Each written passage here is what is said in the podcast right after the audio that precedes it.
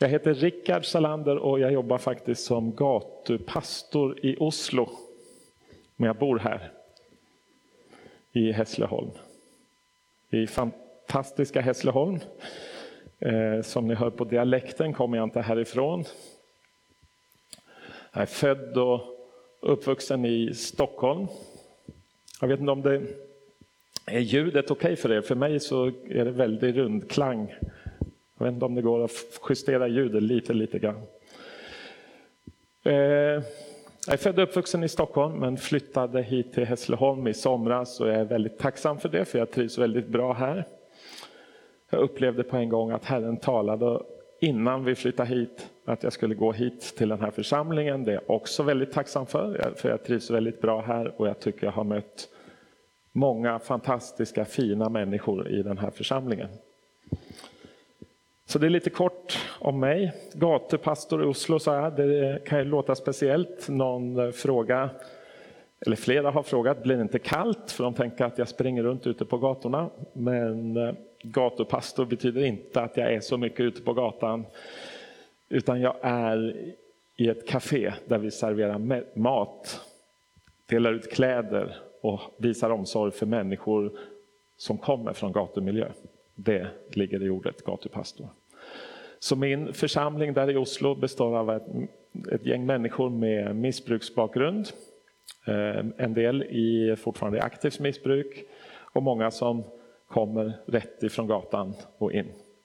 Och jag tycker jag har världens mest fantastiska församling. Det betyder inte att människorna är de, alltid de mest uppgående och välfungerande, men det är fantastiska människor.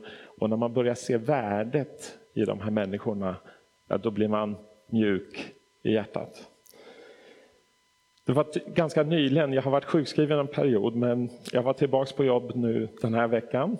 Eh, nu senast så var jag, hade jag någon influensa i nästan en hel månad, men jag var tillbaks på jobb nu i veckan. Och då kom en av de nyanställda hos oss, en av socionomerna vi har, vi har ett ganska stort team som jobbar på det här centret där jag är. Och en av socionomerna hade en artikel från tidningen VG, en av Norges stora tidningar. Och på mittuppslaget i den här tidningen så stod det om en man som hette Kato. Och den här Kato, jag kände igen bilden på Kato på en gång för jag hade sett honom på det här centret där jag jobbar. Så hade han kommit in och han satt där någon gång när jag delade ett ord till de som, som kommer. Och jag kommer ihåg just den dagen hur jag såg den här mannen, Cato. Det var liksom av alla människor där inne, kanske 200 pers, så är det honom jag ser. Och han såg ut ungefär som eh, vi tänker oss en grottmänniska. Fullvuxet skägg, ett hår som står liksom åt alla håll. Han såg ut liksom lite nästan jordig i ansiktet, såg ut som han kommit precis ut ur grottan alltså. Där sitter den här Cato och ser eh, ganska härjad och sliten ut. Men just den dagen så var det som att jag zoomade in och när jag pratade så var det som att jag pratade bara till honom. Jag vet ju inte om det var så, jag försöker ju prata till alla men just den dagen så kändes det så. Så när jag ser den där bilden i tidningen så tänker jag, ja men det är ju han. Jag kom inte direkt på, eller jo jag kom direkt faktiskt att tänka på det där enskilda tillfället. Men jag kände ju igen honom. Mina kollegor, de kände inte igen honom. För förmodligen så var han kanske inte där så ofta. Men för mig räckte det med att jag hade sett honom en gång så kände jag igen honom för jag hade liksom zoomat in så starkt på honom den dagen. I den här tidningsartikeln så berättar Kato hur han en dag när han har varit på Blåkors har tänkt jag ska förändra mitt liv. Nu hade den här Kato blivit frälst, han hade kommit in på rehabilitering. Han hade också klippt sig. Det såg ut som en helt ny man på bild nummer två i tidningen. En helt ny man. Han såg ut som en vanlig man som vi skulle kunna möta i gatan på ett normalt sätt idag. Den där grottmannen hade blivit en helt ny människa. Kan jag säga grottman? Ja, han hade sa det själv, om sig själv i artikeln. Vännerna kallade mig för grottmänniskan för han så, såg ut så med det här håret. Så därför törs jag säga så. Han hade själv tagit upp det i artikeln. Han hade fått ett helt förvandlat liv. En dag efter att ha varit på Blåkors där jag jobbar. Och man vet aldrig när människors liv ska förvandlas på det där sättet. Men om vi delar det Gud har lagt ner i oss, om vi delar evangelium så kan det börja hända någonting med människor. Jag satt och försökte förbereda mig för den här gudstjänsten, för den här samlingen. Så tänker jag på er som är i den här församlingen. Och jag vet att i den här församlingen finns det människor som i de flesta församlingar där ute, människor som faktiskt vill någonting mer med kristenlivet. Jag har aldrig varit i en församling där människor säger så här, ja men jag vill inte nå ut. Jag bryr mig inte om människor där ute. Jag vill inte att någon ska... Jag har aldrig varit i en församling där människor tänker, jag vill inte att folk ska bli frälsta. Jag vill inte... Eh, jag, jag är för lat och jag är för bekväm. Jag har aldrig hört någon troende som tänker så. Däremot har jag hört en och annan predikant tycka att människor i församlingarna är så, men jag håller inte med om det.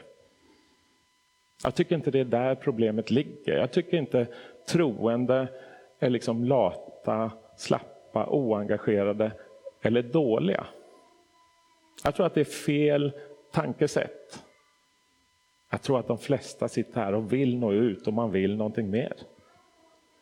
Och det jag fick när jag skulle börja förbereda mig för det här, det är ju att här sitter det underbara människor som verkligen vill. Vad är det som gör ibland att vi kanske inte tycker vi når ut på det sätt som vi skulle vilja? Jag tror det handlar mer om att vi ibland använder fel verktyg och har missat vad Gud säger i sitt ord. Gud har gett oss ett power tool. Power tool, vad är det för något? Ja, går man till industrin, i Sverige har vi företag som Atlas Copco, Epiroc, de bygger sådana här gigantiska riggar som spränger sönder berg och skapar tunnlar och sånt där. Jag vet det för jag växte upp i Nacka där Atlas Copco har, sin, sitt, har haft sitt huvudsäte så därför kan jag mycket om det och min, min pappa jobbade där på Atlas Copco. Så jag kan lite om de här power tools. Gigantiska riggar som kan borra sönder, spränga berg och skapa tunnlar.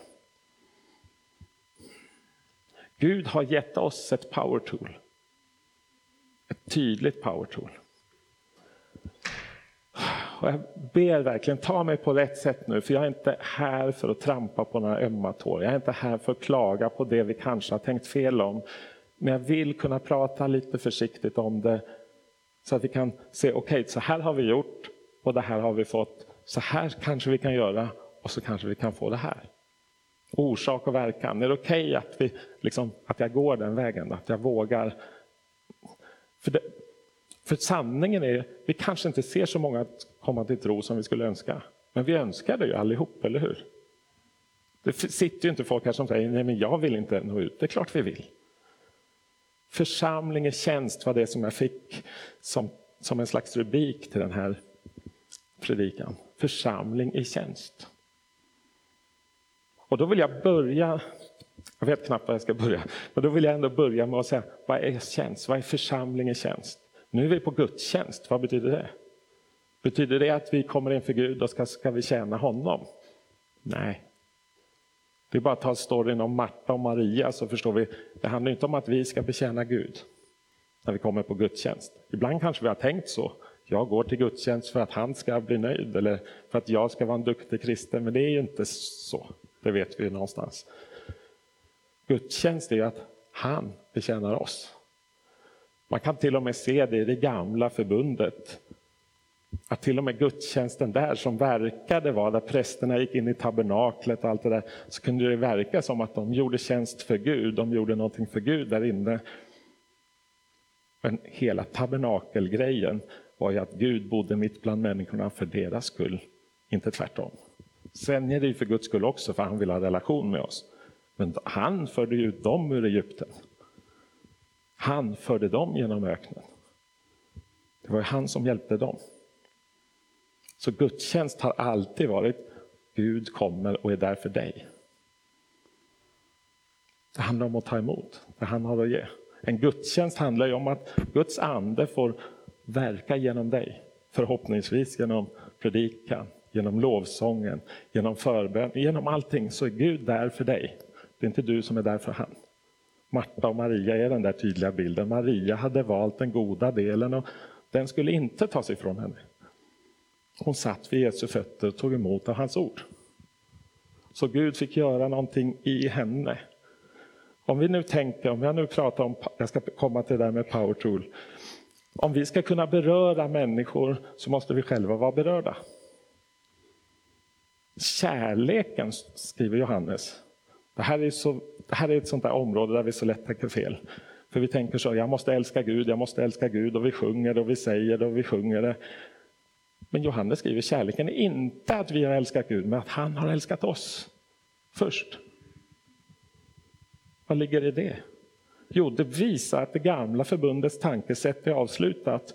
För det gamla förbundet sa, älska Herren din Gud av hela ditt hjärta, hela din själ, all din kraft och din nästa som dig själv. Det var summan av lagen. Det var vad Jesus svarade fariseer och skriftlärda som försökte snärja honom. Men till sina lärjungar så sa han ett nytt bud ger er, inte två. Ett nytt bud. Älska varandra som jag har älskat er. Kärleken är inte att vi älskar Gud, men att han har älskat oss först. Där måste grunden få ligga.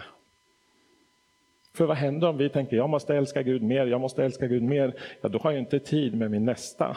För då ska all min energi och all min fokus, all min kraft, all min, allt jag har ska liksom gå till Gud. Men vad, hur mycket kärlek har jag om inte jag först har tagit emot den från honom? Han är kärleken. Är det okej okay att vi jobbar med sådana här tankar? Jag tror det här nämligen är helt avgörande för att vi ska kunna nå människor med rätt hållningar. Det handlar om, är vi Marta eller är vi Maria? Eller är vi Petrus eller Johannes? Vad menar jag då? Johannes hade en speciell insikt och ett speciellt förhållningssätt.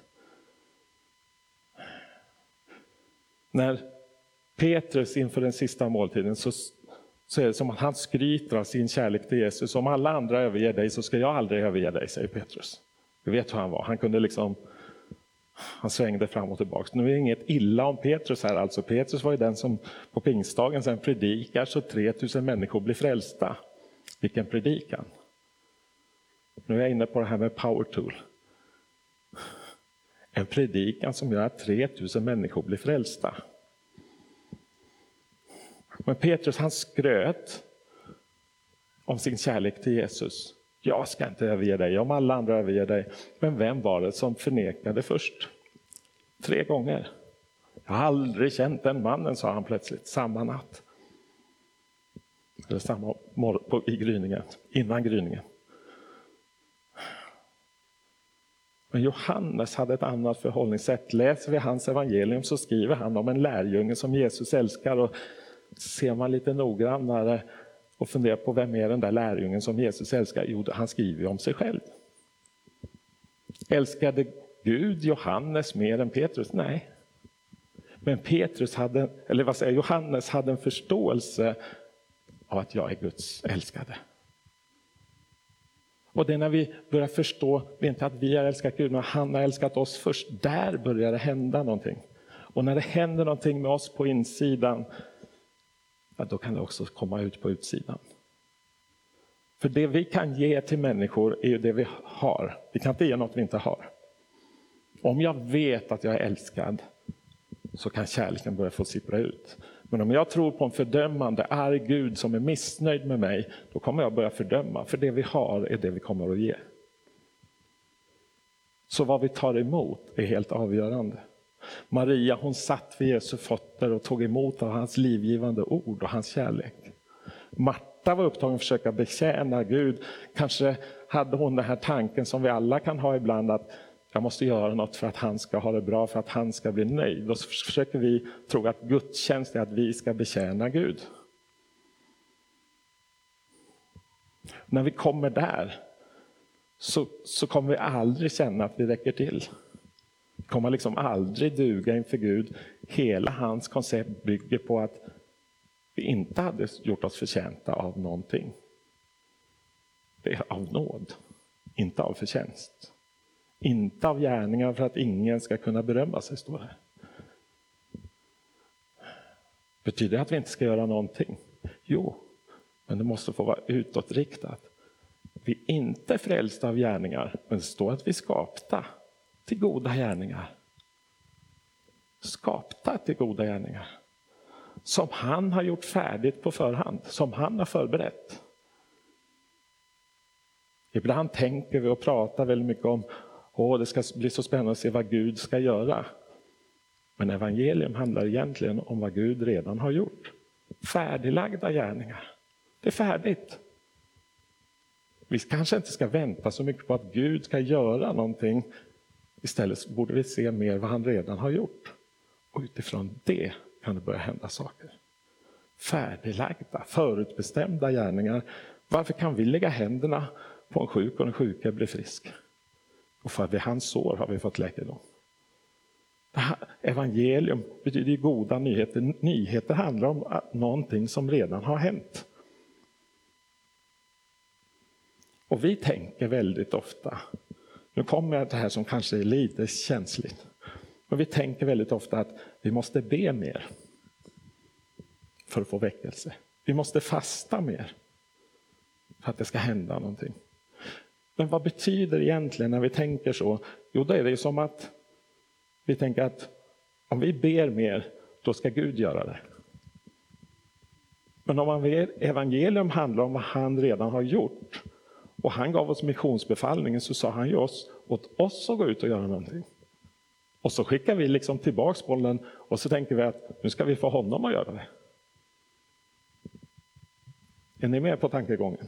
Varför pratar jag om det här? Jo, för att jag är övertygad om att det här är en församling som alla församlingar har mött, som vill nå ut. Och därför vill jag jobba lite med vad, har, vad sitter vi med för tanke? Vad har vi för beteende? Vad har vi för resultat? Jag vet inte hur många år vi har bett om väckelse i kristenheten, men ganska många. Jag ser att väckelse händer av och till, men då ser jag ett återkommande mönster. Någon som går ut och predikar. Någon som lever ut missionsbefallningen. För vi har fått ett power tool. Det finns en sak i Bibeln som är beskriven som Guds kraft. Vet ni vad det är? Evangelium. Evangelium är Guds kraft till frälsning för var och en som tror, står det. Evangelium är Guds kraft. Det står inte att bönen är Guds kraft. Det står att evangelium är Guds kraft.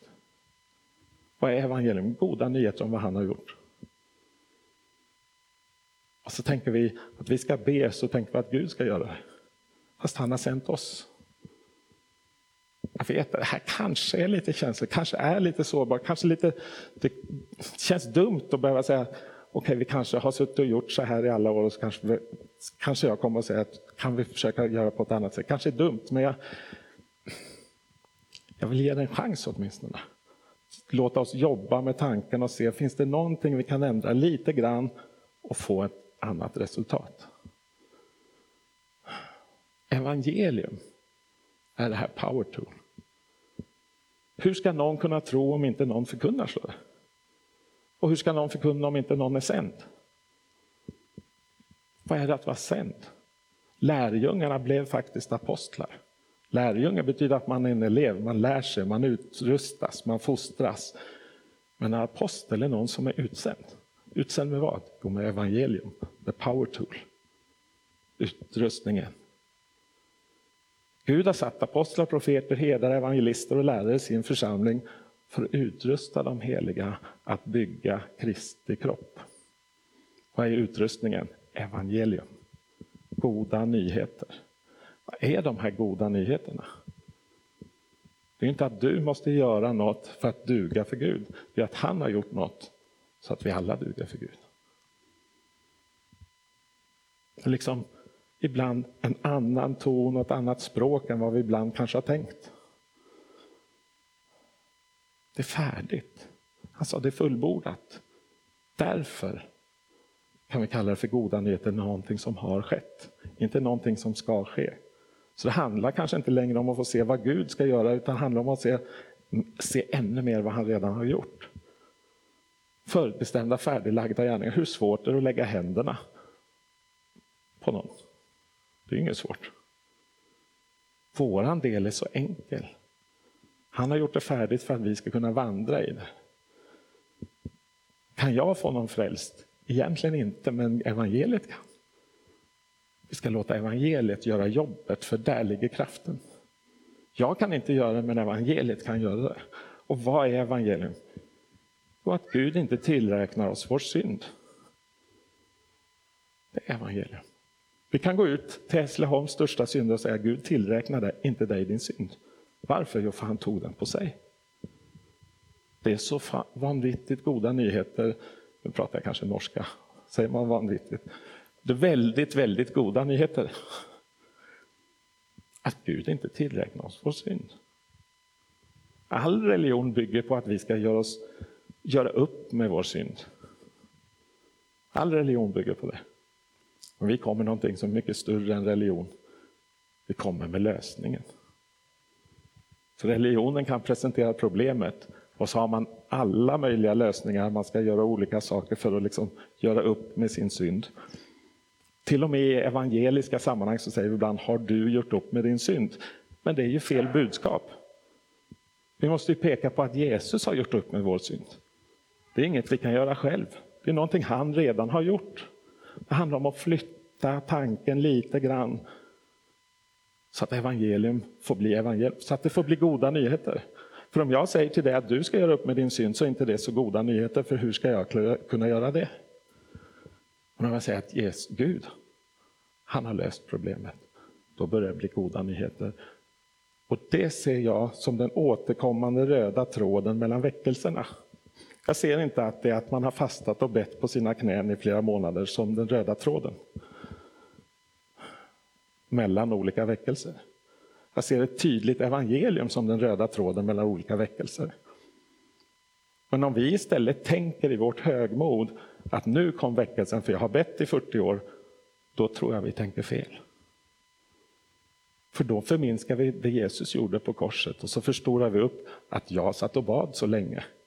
Då blir det som att säga att om vi bara ber tillräckligt länge och tillräckligt mycket, ja då samlar Gud upp våra böner i en skål och nu säger han, nu kan jag tömma ut väckelsen över landet, för nu har ni bett tillräckligt. Vad är det för högmod egentligen? Är det okej okay att jag pratar så här? Jag vet att det kanske är lite strängt eller tufft, men jag vill bara att vi prövar att tänk, flytta tanken ett steg här. Skulle Gud vara sån att han sitter och väntar på att ja, nu har du också bett, nu har du också varit tillräckligt överlåten, nu kan jag sända väckelse. Det är något som inte stämmer här. Ta när Petrus predikar på den här pingstdagen. 3000 människor kommer till tro. Ser vi ett spår av att det är för att de har liksom fastat och bett tillräckligt länge för att nu, nu säger Gud okej, okay, nu ska jag låta människorna komma till tro här. Jag tror inte det. Jag ser inte det som ett mönster i skriften. Där. Jag ser hur den heliga anden kommer över Petrus och han predikar evangelium. Och när han kommer in på det här med syndernas förlåtelse, pang, då hugger det dem i hjärtat. När evangeliet kommer fram i sin kärna med den där spetsen, skärpan som det har. Dina synder är förlåtna. Där händer något med människor om vi kan nå ut med det budskapet. Det hugger tag. Det förvandlar och det skapar liv. För vad händer med en människa som får höra dina synder är förlåtna? Jo, man förstår att till och med jag kan komma till Gud. Men så länge man tror att man måste göra någonting så sitter nästan alltid tanken kvar att ja, jag har försökt men det går inte. Alla andra är okej okay för Gud men inte just jag. Det är så människor tänker där ute. Så om vi presenterar ett budskap om att de måste göra någonting för att bli fria, för att kunna komma till Gud, då håller vi dem kvar i avstånd från Gud. För man liksom minsta lilla anledning att diskriminera sig själv från att kunna komma till Gud sitter i vårt gamla kött, i vårt sinne och håller oss då på avstånd. Eller djävulen själv kan hålla fast oss med sådana lögntankar. Det står ju att Satan och hans demoner är liksom avväpnade på korset. Står det. Han triumferade över dem och avväpnade alla makter och myndigheter genom att spika skuldebrevet till korset. Det, det grekiska ordet för skuldebrev är chairografon som betyder handskrift. Skuldebrev, det är ju bra nog att det står så. Skulden är borta. Du kan komma. Du är inte skyldig längre. Du är tvättad ren av Kristi blod. Kom, vem du än är. Vilket budskap vi har. Det är klart att det är en kraft till frälsning om man hör det. Som församling i tjänst handlar om att bli rustad. Vad behövs för att du ska gå ut? Jo, du behöver ta på dig skorna. Sommar eller vinter så tar vi på skorna innan vi går ut, eller hur? Vad är sko skorna en bild på i Bibeln? Jo, det är evangeliet. Vad är det du behöver få tag på för att kunna gå ut till människor med rätt budskap? Jo, du behöver få tag på evangelium. Så vi ska inte ha bråttom ut utan skor. Har vi inte förstått evangeliet kanske vi inte ska springa ut för då kanske vi skrämmer människor längre bort från Gud. För det vi har, det kommer vi ge. Har vi en fördömande Gud så kommer vi presentera Gud fel och så skapar vi ett större avstånd. Men får vi tag på evangelium, Gud är god. Han vill dig väl. Han håller inte upp synderna emot dig. Han tillräknar dig inte dem.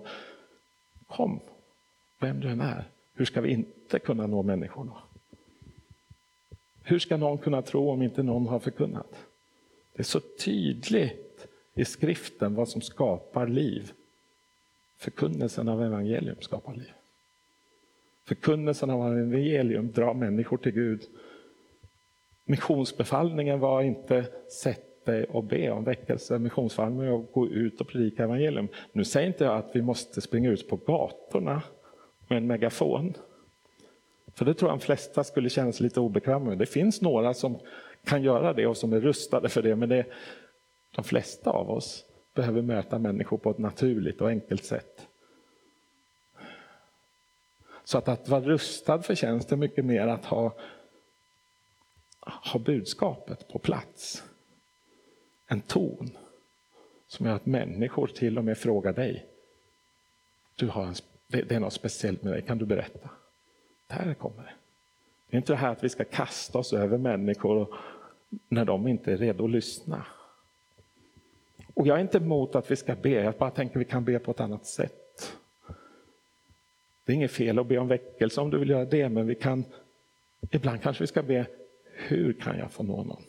Herre, visa mig vem jag kan nå, hur jag kan nå. Det är ett annat sätt att be. Visa mig någon som jag kan få vittna för. Det var inte så länge sedan som jag gick ut i Hässleholm och så sa Herre, idag vill jag få, få betyda något för någon. Och så fick jag möta en man som jag kunde få dela min tro med. Det händer inte mig varje dag och jag gör inte det här hela tiden. Men på något sätt så har vi en enorm möjlighet bara av att kunna be Gud, hjälp mig att få nå ut. Hjälp mig att få vittna för någon. Vi kan ju inte göra det här utan den helige anden. När den helige anden kommer över er så ska ni få kraft att bli mina vittnen. Så vi kan inte göra det utan den helige anden, vi kan inte göra det utan evangelium. Vi kan inte göra det utan honom. Men vi vill ju. Jag pratar om det här för jag vet att vi vill. Jag ser inte lata människor, ovilliga människor som inte vill nå ut. Jag ser ju människor som vill. Och så har vi en värld där ute som också vill.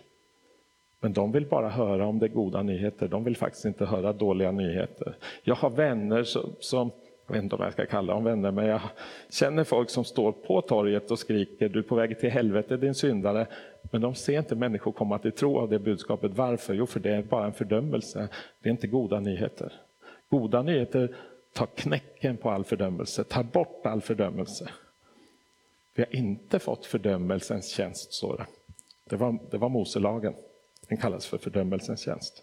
Det är andra Korinthierbrevet kapitel 3 nu om ni vill slå upp.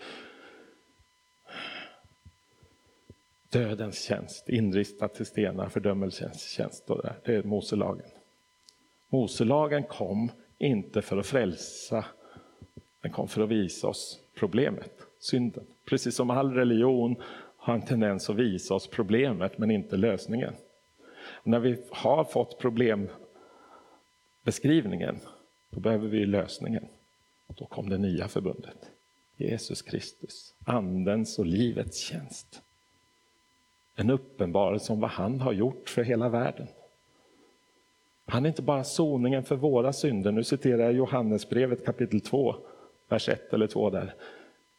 Han är inte bara soningen för våra synder utan för hela världens. Därför kan vi vara så frimodiga och säga dina synder är förlåtna. Han var soningen för hela världens synder.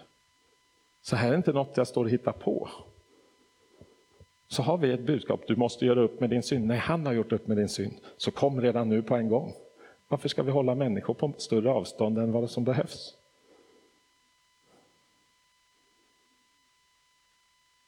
Han har gjort det färdigt.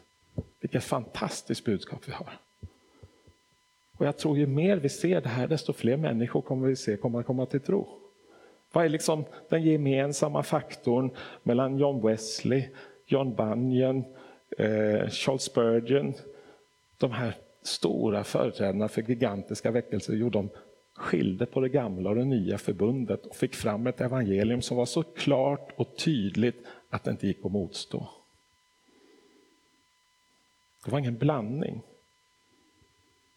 För blandningen blir ju Blandningen blir ju att ta två motstridande krafter. För lagen är syndens kraft. Syndens kraft kommer av laget. Första Korinthierbrevet 15.56. Syndens kraft kommer av lagen. Budordet väckte synden till liv. Utan lagen är synden död. Lagen är en kraft till synd. Men evangelium en kraft till frälsning ifrån synd. Vi ska inte blanda två krafter som motverkar varandra. Och tyvärr så har vi ibland gjort det. Så, så den tydliga röda tråden i väckelserna är ett tydligt evangelium som står på egna ben, där man inte blandar de två förbunden. Vi har fått något som är Guds kraft till frälsning evangelium, goda nyheter. Vad är skillnaden på, dem, på det gamla och det nya förbundet? Det gamla förbundet pekar alltid på oss. Du skall eller du skall inte, sa buden. Men vad säger den helige ande när han kommer med evangelium genom oss? Han har är plötsligt budskapet. Han har dött. Han har uppstått. Han har friköpt oss. Läs Efesebrevet kapitel 1 och 2. Där står det han har hela vägen i två kapitel. Han har friköpt oss från, från, från synden. Han har eh, gett oss ett rikt arv bland de heliga. Han har, han har, han har är budskapet hela vägen. Och i början på kapitel 3 så skriver Paulus det här är hemligheten som jag i korthet har beskrivit för er. Hemligheten var det? Jo, evangelium. Ett budskap om vad han har gjort. Inte ett budskap om vad du måste göra. Det är skillnaden. Lagen kräver av dig det du inte kunde komma med.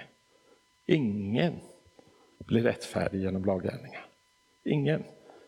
Och har du tänkt att du ska helga dig genom egna gärningar så glöm det också. Inte ens helgelsen ligger där. Med ett enda offer har han helgat dem som tror, Hebreerbrevet 10. 10. Helgelsen är av honom. Frälsningen är av honom. Alltihop är av honom. Ja, men vi ska jobba i fruktan och bävan på vår frälsning, står det. Ja, det står det. Men läs nästa vers då. Du som nu tänkte så. Läs versen som står efter. Han verkar i oss i vilja och gärning för att hans goda vilja ska ske. Så frälsningen är fullt ut av honom. Även när vi jobbar på den så är det han i oss. Han i oss. Han verkar i oss i vilja och gärning. Vi måste läsa verserna i sin kontext. Så det är han, det är hans verk alltihop. Vem kan frälsa sig själv med egna gärningar? Inte jag, inte du, ingen här. Det är hans verk. Och ju mer vi ser det, desto mer kan vi vara en församling i tjänst. För då kan han få verka genom oss. Det är inte vi som försöker göra det. Det var någon som sa innan gudstjänsten här, i hans kraft ska det ske, inte genom människors vilja. Jag tror vi kan få se att vi når ut mer och mer och mer om vi zoomar in på evangelium, för det är det här power tool, det är den här kraften. Så jag, jag tror vi ska, låt, låt mig använda ett slarvigt begrepp, jag tror vi ska hjärntvätta oss med evangelium mer och mer och mer. Goda nyheter. Vi har en god Gud som vill hela världen väl. Han är inte ute efter att ta människor för deras synd. Han har gjort upp med den. Till och med innan korset så var han inte så upptagen av att ta människor deras synd. Lagen krävde att människor som hade syndat på olika sätt skulle stenas till döds. Var han upptagen att fullfölja lagens krav på straff på det sättet? Men tvärtom. Den som är utan synd får kasta första stenen, sa han. Det var ju han själv var den enda som var utan synd, så han kunde ha gjort det. Och skulle han följt lagen på det sättet att han fullbordade lagens krav på straff för den människan där och då, så skulle ju han då ha stenat den människan. Men han visste att han skulle ta lagens alla krav på straff på sig. Och därför sa han, inte heller jag. Inte heller jag dömer dig. Det är de goda nyheterna. Gud sände inte sin son till världen för att döma världen, utan för att var och en som tror på honom skulle bli frälst, bli räddad. Det är så lätt att vi gör om Gud till en dömande Gud, för vi tänker försoningen alldeles för juridiskt, tror jag. Ja, men Gud är en domare och han måste vara rättfärdig. Sitter man under ett lagiskt system så kräver man kanske att Gud ska vara vår domare. Men, men, men så här står det i skriften, eller i Bibeln. Att alla de som tror gav han rätten till att bli Guds barn. Plötsligt så framträder Gud på ett annat sätt, nämligen som en kärleksfull pappa. Sitter vi i det gamla förbundet under ett system av lag så kanske vi vill göra Gud till vår domare och han ska döma och han ska straffa och det ska vara rätt. Och så gör man ett juridiskt system av någonting som egentligen var ett kärleksbudskap. Alla de som tror gav han rätten till att bli Guds barn. Plötsligt ser vi Gud som en kärleksfull pappa istället för en arg domare. Och när vi ser Gud som en kärleksfull pappa som vill hjälpa och rädda alla så kommer vi med en annan ton än om vi ser Gud som en sträng person som ska vara ute och korrigera all synd. Ser ni skillnaden? Jag menar att det blir två helt olika budskap. Det blir två helt olika gudsbilder. Ja, men Gud är rättfärdig. Ja, han är rättfärdig, men vet ni vad det står om hans rättfärdighet? Det står någonting väldigt konstigt. Det står att Gud var rättfärdig i att han gjorde den ogudaktiga människan rättfärdig. Det var hans rättfärdighet. Är det mänsklig rättfärdighet eller rättvisa? Nej. Vi tänker straff. Har du gjort fel ska du ha straff. Men Gud tänkte nåd som rättfärdighet. Han gjorde den ogudaktiga människan rättfärdig och i det var Gud rättfärdig. Det är något annat. Jag vet inte om ni fick med det. Han tog den ogudaktiga människan och gjorde den människan rättfärdig. Det är Guds rättfärdighet, står det i Bibeln. Vi tänker att Gud är rättfärdig genom att han straffar. Nej. Han är rättfärdig utan han, genom att han förvandlade oss och gjorde oss rättfärdiga. Hade vi förtjänat det? Nej. Det var inte av förtjänst. Det var inte för att... Alltså, jag vet inte hur jag ska, hur jag ska få fram det. Guds rättfärdighet att han gjorde oss ogudaktiga människor rättfärdiga. Det är hans rättfärdighet. Vi tänkte att hans rättfärdighet att han måste straffa och slå. Nej, han tog det på sig.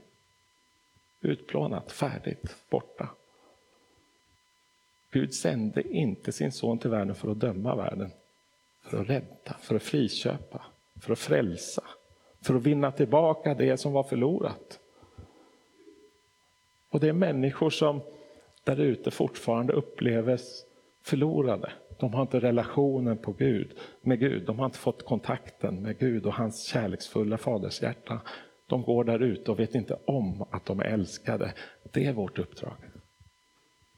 Att veta om att vi är älskade så att vi kan föra den kärleken vidare. Vi kan bara ge det vi har. Jag vill ta en enkel bild på det. Det står att vi ska underordna oss Gud. Om glaset underordnar sig flaskan så kan det ta emot vad flaskan har. Men om det överordnar sig flaskan så går allt till spillo. Att underordna sig Gud handlar egentligen om att sätta sin position där vi tar emot hans kärlek så att den får flöda över. Den får flöda över. Och ju mer vi tar emot av hans kärlek, vi har egentligen fått den i fullt mått, men vi tar emot den genom, oss, genom att förstå det. Johannes som jag pratade om. Johannes, det här med att vara i tjänst, och Petrus. Johannes kallade sig för den lärjunge som Jesus älskade. Och Petrus sa, jag ska göra allt för dig Jesus, jag ska dö för dig. Vik bak mig Satan, svarade Jesus då. Det var liksom fel inställning hos Petrus. Det var ett satanistiskt budskap, att vi skulle ge allt för Gud när han har gett allt sitt för oss. Och så kommer den där Johannes och kallar sig för den lärjunge som Jesus älskade. Petrus var den första att förneka, den första att fly. Han skulle vara den sista enligt honom själv. Men Johannes som fokuserar på Guds kärlek till honom, den lärjunge som Jesus älskar, han sitter vid den sista måltiden och lutar sig vid Jesu bröst, står det. Petrus satt så långt bort. Petrus frågar till och med Johannes, kan du fråga vem som ska förråda honom? Fråga Petrus till Johannes. Han vågar inte ens prata till Herren direkt just där och då. Varför? Han har på något sätt kommit lite på avstånd i sin självrättfärdighet. Petrus betyder förresten sten. Johannes betyder nåd ligger någonting här i bildspråket. Johannes lutar sig mot Jesu bröst. Är honom nära. Kallar sig för den lärjung som Jesus älskade. Och vi tänker och citerar Bibeln ibland och säger att alla flydde. Men det stämmer ju inte. När Jesus hänger på korset så talar han till sin mor. Kvinna, se din son. Vem är sonen? Jo, det är Johannes. Så talar han till Johannes, se din mor. Då börjar han prata om det, ett nytt släktskap i Guds rike. Men Johannes står vid korsets fot. Han fokuserar på Jesu kärlek till honom. Den lärjungen som Jesus älskar kallar han sig. När alla andra har flytt så står han där redo för tjänst. Han kunde gå hela vägen. Vi vill också gå hela vägen. Hur gör vi det? Jo, genom att fokusera på Guds kärlek till oss. Inte på att vi ska älska Gud mer, utan att han älskar oss mer. Se mer av hur mycket han älskar dig. Där får vi kraften.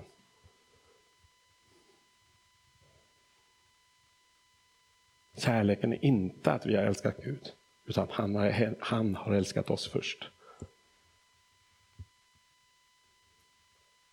Han har älskat oss först. Petrus är det väl som pratar om att, att inte glömma bort den första kärleken. Vad är den första kärleken? Att han har älskat oss först. Det är inte att vi har älskat Gud, det är att han har älskat oss. Medan vi ännu var syndare hur mycket älskar han då? Sen har vi fått ett nytt bud. Älska varandra som jag har älskat er. Vad är det? Agape. Agape, kärlek står det. Älska varandra villkorslöst. Älska varandra medan de är dina fiender. Medan de är Guds fiender. Det kan beröra vilket hjärta som helst. När vi kan komma ut till den här världen med Guds nåd och kärlek då behöver vi inte ens alltid säga det med ord. Människor märker det. Våra hållningar, undertonen är tonen. Vad du säger med din mun är mindre viktigt än hållningarna du har mot människor. Och våra hållningar de påverkas av hur vi ser på Gud. För det, hur vi ser på Gud påverkar hur du ser på dig själv och hur du ser på din omvärld. När du vet att du som Johannes är den där lärjungen. När du vet att du är den där lärjungen som Jesus älskade, då börjar det hända någonting med dig. Så frågan är, vet du att du är den lärjunge som Jesus älskar? Vet du att du är Guds favorit? Ja, men Gud har inga favoriter har jag hört så många predikanter säga. Nej, nej, nej, det är fel.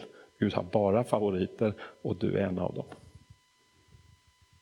Du är en av dem praktisera det här som Johannes praktiserade.